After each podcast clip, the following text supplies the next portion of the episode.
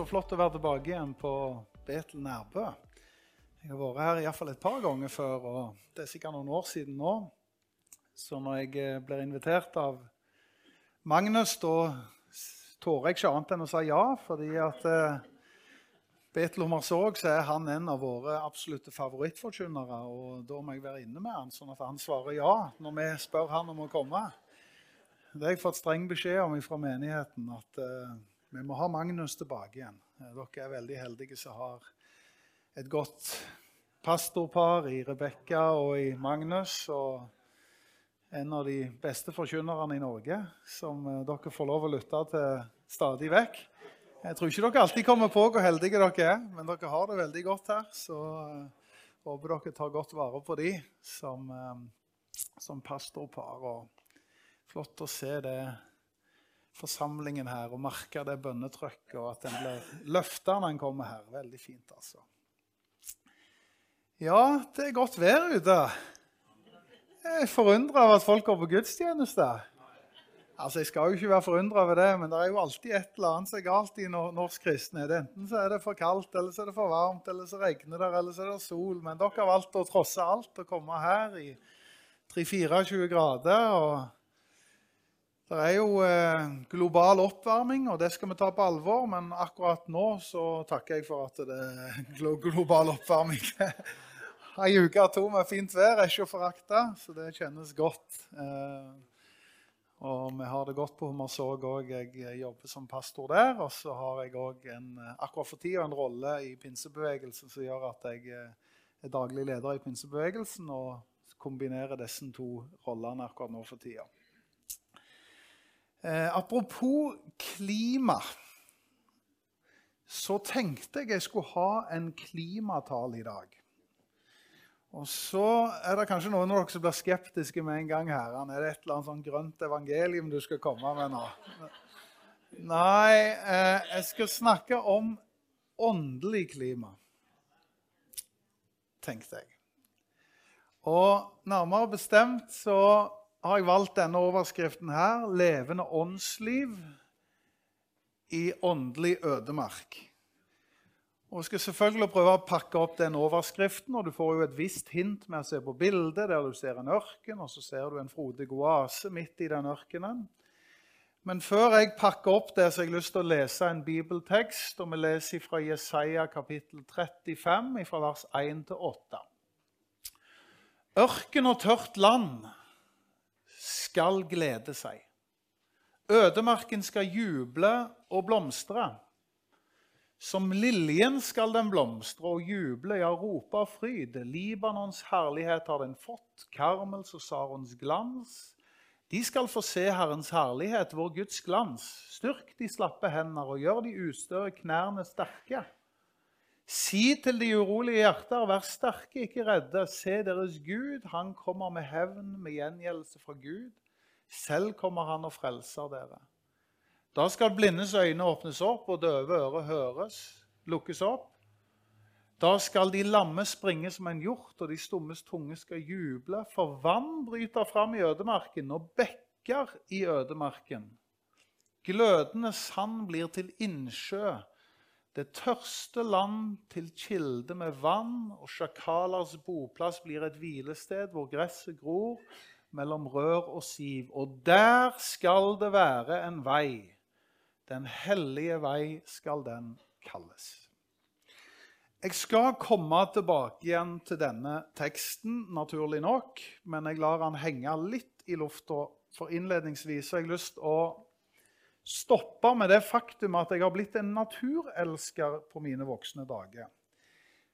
Spoler jeg ti år tilbake igjen, så var det ikke annet enn asfalt og bygninger jeg så. Og jo mer det var av det, jo mer trivdes jeg. Mens nå kan jeg ikke få nok av eh, fjell og landskap og natur. Og favoritten vil jo være å være i norsk fjellheim en dag som dette. I varmen, i det grønne, i det frodige. Og det er jo et fantastisk landskap rundt forbi. Bak enhver knaus er det et friskt fjellvann og jeg kan trives i timevis med et sånt landskap. Og Så hender det at vi er klimaflyktninger til Spania. Jeg skal ikke ta håndsopprekning her på hvor mange andre ser det, men det er sikkert ikke jeg den eneste. Og Da har vi til og med valgt av og til å søke naturen når vi er i Spania. Eh, og det er en litt annen historie, fordi at det fins fjell der òg. Men det er brunt, det er avsvidd, det er tørt. Og Det eneste vannet du ser, det er det du har med deg i flaska. Og det er så varmt at eh, det blir nesten ubehagelig. Jeg bruker det som en kontrast mellom det som er rikt, og det som er fattig, mellom det som er tørt, og det som er frodig. Levende åndsliv i en åndsfattig tid. Jeg tror det er stor forskjell mellom det å leve i en åndsrik tid og en åndsfattig tid. Og om jeg skulle prøve meg på en aldri så liten åndelig klimaanalyse, så er jo klima det er jo vær over tid. Da får du en klima. Gjerne en klimarapport som sier noe av hvilke vær er der over tid. Og i overført betydning hvilket åndelig vær er der i vår tid? Jesus sier noe om at det er viktig at vi er oppdatert på det åndelige klimaet. Lukas kapittel 12, eh, vers 56, så står det om at han refser folket fordi at han sier når det kommer skyer fra vest, så sier dere at det blir regn, og det blir der. Og så blir det sånne varme strømmer av vind som kommer fra sør, og da sier dere at nå er godværet på gang. Og dere har helt rett. Dere vet å tyde været. Eller sagt med andre ord, dere er ganske gode å holde dere oppdatert på yr.no. Det får dere til. Men det er enda viktigere at dere skjønner den tida vi lever i, sier Jesus. At vi er i stand til å ta en åndelig klimaanalyse og si noe om hvilken tid lever vi i. Det er det sikkert kloke hoder som kunne skrevet lange, gode rapporter og bøker om. Jeg har ikke tenkt å være en av de, men jeg er litt mer sånn typen som hopper rett til konklusjonene. Og konklusjonen, hvis jeg skulle ha skrevet ei sånn bok, ville vært at vi lever i ei åndelig tørr tid. I et åndelig tørt land. La meg underbygge det litt. Det er ganske så opplest og vedtatt at vi lever i en sekulær tid. Sekulær er jo ikke et kristent ord, det er et latinsk ord. og Når du graver i det, så finnes det ulike betydninger. Men en av de måtene som beskriver hva det er å være sekulær, eller sekulærordet, så er det utenfor tempelet. Sekulær oversettes med 'utenfor tempelet', altså når det ikke lenger er rom for noe som er hellig, sakralt, kirkelig Når vi tar det ut av ligningen, så får du et sekulært samfunn. Og ironisk nok, Norge og Skandinavia, som går for å være et kristent land og kontinent i navnet, er blant de mest sekulariserte i hele verden. På hvilken måte slår det ut? Det slår bl.a. ut i det religiøse engasjementet. Når vi bare for noen tiår siden var gått opp i 85% medlemmer i Den norske kirke, så er vi nå under 70 Når det er snakk om eh, eh dåpstall, barnedåp, da, konfirmasjonstall på 70-80 så er vi nå nede på rundt 50% Det religiøse engasjementet daler som en stein. Og det er blant de definisjonene som handler om at vi lever i en sekulær tid. For aller første gang så var det dette byrået som heter Ipsos, som gjorde en undersøkelse sommeren 22. Og for første gang så gjorde de et funn om at det var over 50% altså over halvparten av Norges befolkning, som ikke trodde på en gud. Nå er det litt ulike undersøkelser som, som sier litt ulike ting om dette. Men det er en illustrasjon på at vi lever i en tid der folk lever som om Gud ikke finnes. Som for øvrig er tittelen på en av bøkene som er skrevet om sekularisering av Magnus Malm. Ei spennende, interessant bok som tar pulsen på nettopp dette. Som handler om at på folkedypet så fins det en religiøsitet, men allikevel så blir vi mer og mer gudløse. På hvilken måte påvirker det nasjonen? Vel, det er ikke bare folka der ute. Det er ikke bare Ola og Kari. Det påvirker jo kristenfolket. Disse understrømningene som påvirker meg og deg. Romerne 12, som sier noe om at eh, i en sånn en levende bibel eller en eh, eh, sånn versjon, en message-oversettelse, som sier noe om at bli ikke så tilpassa den kulturen du lever i, at du passer inn uten at du tenker deg om. Eller sagt med andre ord, når vi er på dette med klima og Spania og luftmadrassen, så har jeg mange ganger vært i Spania, på stranda, blåst opp luftmadrassen, lagt meg ut på havet tenkt at her er det jo fint. Wow! Varmt i sjøen, varmt i lufta. Her kan jeg ligge, duppe gjerne av litt.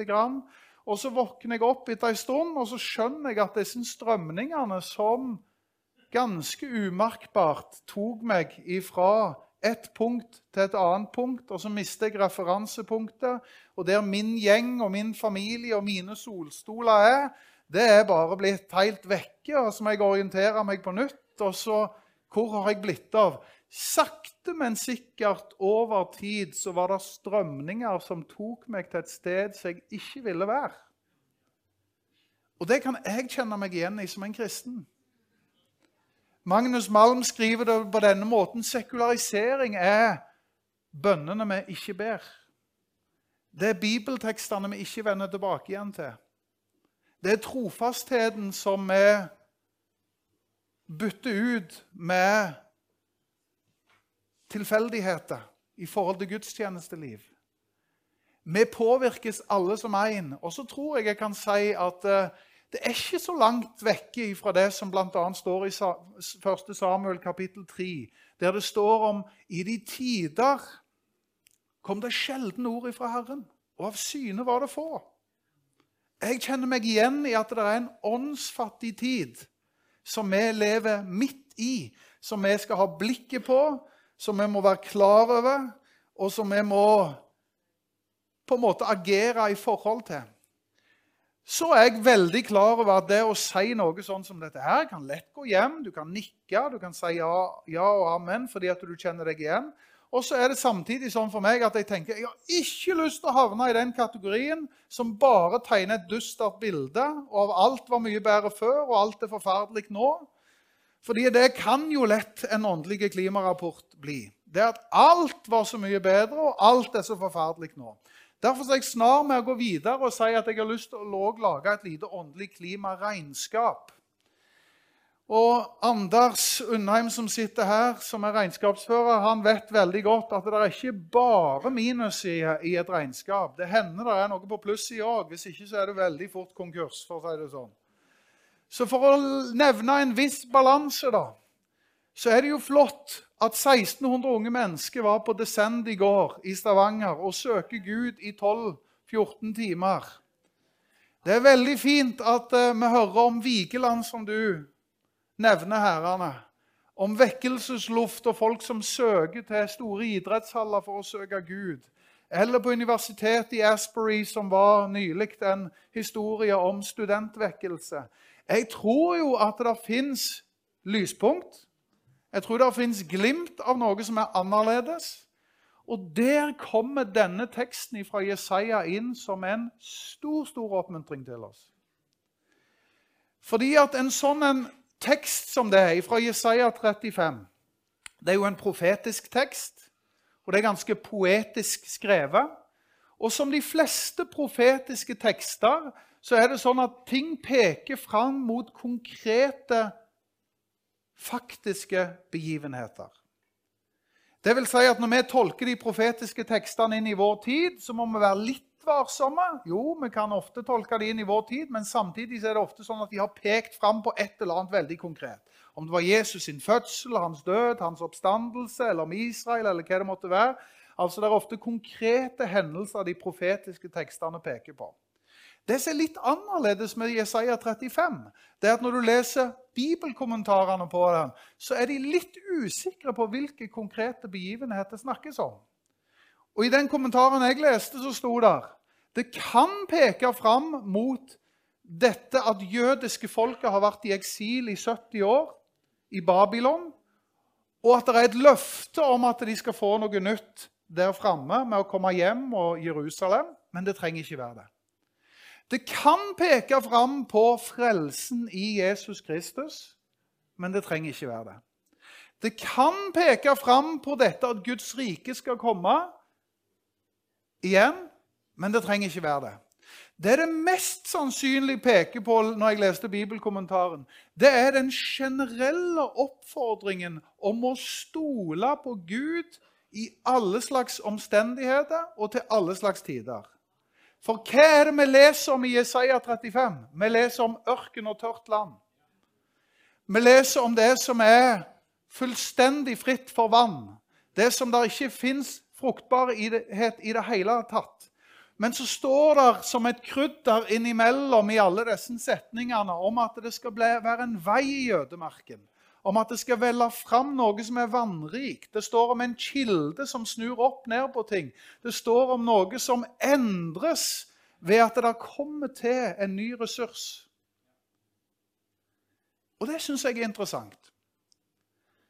Fordi at det er nesten som om Guds ord sier til oss at bli ikke for bedrøva midt i det som er åndelig tørt. Fordi at Gud har alltid operert ut ifra ørkentilstander. Jesus var selv i ørkenen i 40 dager. Det er prøvelse, det er utfordring, det er krevende, men han kom styrka ut. Hans folk, israelsfolket, måtte telle sandkorn i 40 år. Det er ganske mye. Ørken, det. Det er ganske tørt. Men hva opplevde de? Det er at Gud er deres kilde selv i ørkentider.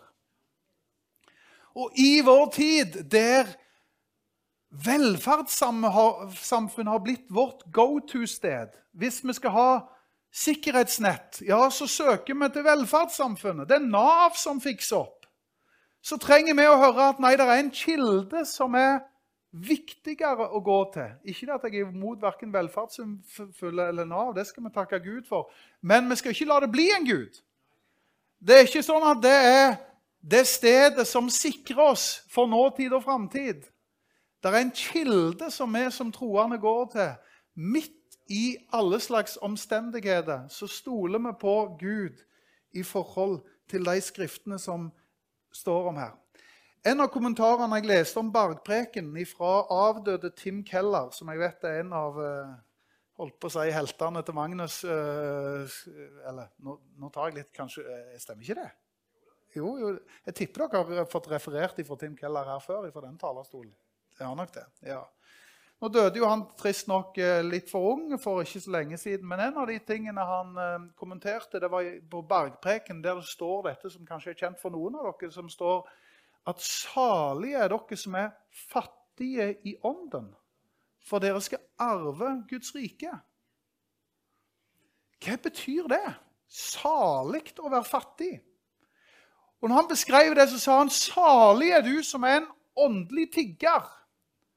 Og hva er en åndelig tigger? Det er en tigger som sier det er tomt. Det er tørt. Det er ingenting. Jeg har ikke tilgangene. Det er ikke sånn som det skal være. Det er ikke bærekraftig. Men som med nidkjærhet og iver søker og kaller og vil ha mer, som anerkjenner at det fins noe mer. Salig er du som ser at det er en åndelig fattigdom. Som ser at det, det må jo være mer enn dette. Og som ikke slår deg til ro med at det ikke er mer, men som søker med iver.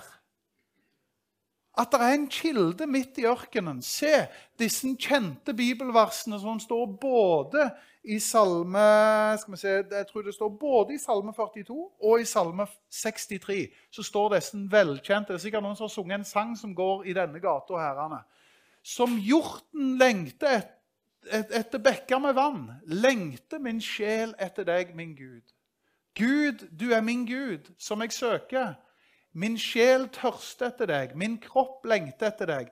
I et vannløst, tørt og utarmet land. Altså, hvor fins lengselen og hungeren? Jo, midt i det som er tørt. Midt i det som er utarma. Midt i det som er åndelig fattig, så vekkes der en hunger. Og så lengter jeg, og så tørster jeg, og så vil jeg, og så anerkjenner jeg at det må jo være noe mer. Salig er du som lever der. Salme 107, vers 35. Han gjør ørken til innsjø og tørt land til en vannrik kilde eller hage, som det sikkert òg står i noen oversettelser.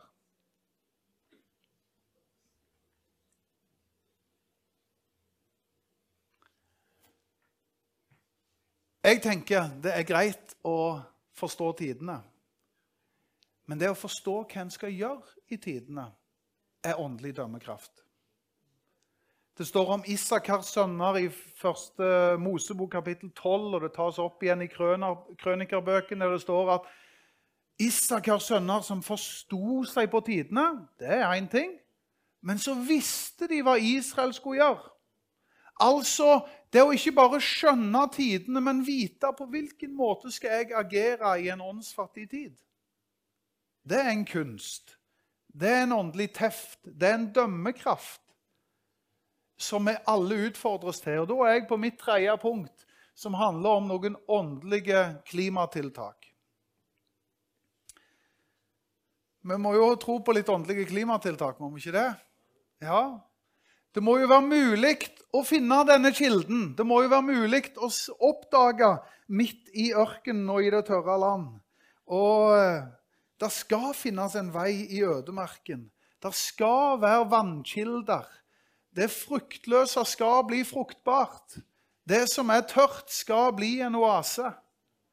Interessant å se BBC sin eh, serie som heter Planet Earth. Hvis du går inn og googler den, enten ser på YouTube eller finner det på TV-kanalene, så kan du se hvordan forsvinnende lite skal til for å forvandle veldig mye. Altså det som er knusktørt, kan springe opp og få en helt ny vår når det bare blir utsatt for de rette tingene. Jeg tenker det er ikke rart at Den hellige ånd, som du innleder veldig fint med, møteleder her Den hellige ånd er en sånn kilde. Nå skal vi ikke ha en sånn full utleggelse om Den hellige ånd, men vi kan jo kort nevne at Den hellige ånd symboliseres med vann. Regn, vann, vind, ild. Altså, hvor lite skal det ikke til av å bli duppa i litt vann, så kvikner den planten til igjen som har blitt tørr. Det kan jo ha gått for langt, det vet jo dere òg. Men det skal ofte lite til for at noe forvandles. Og det er jo mange her inne sitt vitnesbyrd og sin historie. Det at jeg fikk en berøring av Den hellige ånd, og det ble som en kilde. Som gjør at det er innlagt vann. Det er ikke sånn at jeg finner vann utenifra, men av, han, altså, av denne kilden så står det at vi kan drikke igjen og igjen. Vi kan skru opp kranen fordi at Gud har lagt en kilde på innsida som forvandler. Og da tenker jeg det tørre Ja, det ser vi og anerkjenner vi. Men vannet er veldig nært. Rikdommen er veldig nær. Det går an å skru opp kranen. Det går an å legge til rette for.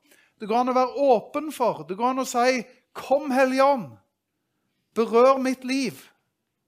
Så sier ikke jeg at alt løses med, på et øyeblikk, men jeg tror at noe av det som er det viktigste klimatiltaket vi kan gjøre i vår tid, det er å si at hvis det er åndelig kaldt, så skrur vi opp varmen. Den hellige ånds ild. Hvis det er åndelig tørt, så skrur vi på vannet, og det er en rikdom i det. Hvis det blåser litt lite på Hummersåk, så kommer jeg bare til Nærbø, for her blåser det friskere. Da blir, det, da blir du forfriska. Sånn er Den hellige ånd den er en kilde midt i ørkenen. Og Hvis det er noe som skal være unikt for det kristne fellesskapet, så er det at det er et åndsfellesskap.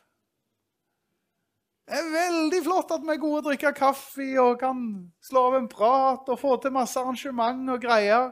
Men er det noe som skulle være unikt for oss, er det at det er et åndelig fellesskap. Det vil si at Gud har plassert noen oaser midt i ørkenen. Det kristne fellesskapet Betel Nærbø og mange andre forsamlinger i regionen her som fungerer som sånne oaser som vi søker til for å bli forfriska, for å bli fornya. Og Var det ikke dette som skjedde på pinsedag? Det står at de var alle samla. Det står ikke noe om at det var kaffeselskap, men det kan godt være de drakk kaffe. kan godt hende. Jeg tror personlig de drakk kanskje Pepsi Max eller et eller annet uh, fornuftig. Men uh, de var tydeligvis samla. Og det er helt åpenbart at det var et åndelig fellesskap, for det står at de ba sammen. Og midt i det som jeg tror var en rimelig stor grad opplevelse av ørken, av stillstand, når vi mista alt det som hadde satt vårt lit til Jesus er ikke her lenger. Han hadde satsa alt på. Nå er det tomt, nå er det tørt. Midt i det så kommer Den hellige ånd og berører og beveger. Og så skjer det en forvandling der vi inviterer Den hellige ånd til være sentrum av vår samling. Og så skjer det jo litt forskjellige manifestasjoner som du har lest om og sikkert hørt om. Mange av dere vet hva som skjedde på pinsedag. står at De var alle samla. Med ett kom et brus fra himmelen som blåste en sterk storm. Det fulgte huset hvor de satt. Tunge liksom ild delte seg, satte seg på hver enkelt. De ble alle fulgt av Den hellige ånd. Og de begynte å tale i nye tungemål. og Så ble det full forvirring. Og så trenger dere at noen reiser seg opp og forklarer hva som skjedde. Og så gjør Peter det, og så forkynner evangeliet.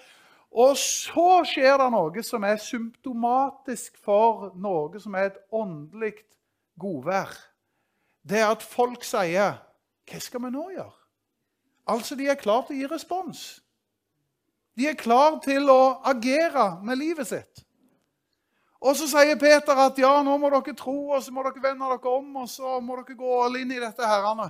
Altså, Nå bare siterer jeg litt sånn eh, litt upresist ifra det som skjer. Poenget mitt er å si at i et åndsrikt fellesskap så er det stor grad av respons. Er det noe som preger det pinsekarismatiske, og hvis vi vil beholde den arven, det er det at vi skal være lette på labben. Vi skal være gode og gi respons. Og det er litt vanskelig for nordmenn, fordi vi sitter veldig komfortabelt i stolene våre og vil helst ikke bevege oss for mye.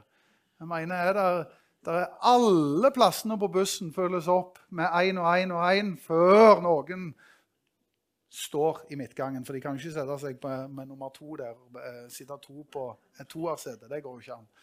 Altså, Vi har vår måte å gjøre ting på, vår, vår måte å være på. Men jeg tror åndsklimaet er sånn at vi gir respons. Og Jesus sa noe om det i Lukas, nei, Matteus kapittel 11. Så står det noe om at uh, i de siste dager så skal det være sånn at der synges sørgesanger, men folk gråter ikke. De spiller på fløyta, men folk danser ikke. Altså, det er ikke respons. Er du med? Sånne ting blir det åndsfattigdom av. Når vi vet best sjøl, og vi skal sitte og ha det på vår måte. Jeg tror at vi i denne tida her så skal vi be om at det skal være et åndelig klima av respons. At nå skal vi be til Gud. Ja, da ber vi til Gud. Nå søker vi Gud sammen. Ja, la oss søke Gud i sammen. Jeg har et behov. Jeg bringer det fram, og så bærer vi hverandres byrder. Og så velsigner vi hverandre, og så ber vi for hverandre. Og så skaper vi et åndelig klima, et åndelig fellesskap, som vi kjenner løftet som er med å vanne midt i det som er tørt. For jeg tror ikke vi skal slå oss til ro med at det skal alltid forbli tørt. Oppmuntringen i dette diktformen som Jesaja 35 er skrevet i en diktform, litt sånn poetisk, men også profetisk, det er der fins en vei. Der fins vann i tørketid. Det fins kilder, det fins oaser midt i det som er knusktørt. Vi finner det dels i det kristne fellesskapet, men vi finner det fullt ut i livet med Den hellige ånd. Den innlagte vannet som er der, som vi kan søke og fornyes og forfriskes. Og Da tror jeg at vi får òg en uh, salig blanding av både det karismatiske eller spontane, men òg det liturgiske. Se apostelgjerningene to, pinsedag, så står det de trofast holdt de seg til samfunnet, brødsbrytelsen, bønner. Det var rytmer, rutiner, det var trospraksiser. Det var ting som gikk igjen og gikk igjen og gikk igjen Uavhengig av omstendigheter. Nei, nå er det litt tørt. Jeg tror ikke jeg orker å gå på møte. Jeg syns det er vanskelig å åpne Bibelen, så da lar jeg være. Eller jeg syns det føles fjernt når jeg ber. Nei, trofast holdt de seg til, selv om det ikke alltid var like inspirerende. Selv om de ikke alltid følte like mye for. Så det liturgiske, om du vil, eller disse rytmene og rutinene, de holder vi fast ved. De holder vi fast med. Og så er vi åpne for at det åndelige været òg kan komme og overraske oss, berøre oss, fylle oss. Det karismatiske, Guds nærvær, som er i stedet, i øyeblikket, her og nå. Så søker vi det sammen og opplever at Gud får fornye oss igjen og igjen og igjen. Skal vi lese til slutt eh, på ny? Nå blar jeg tilbake igjen.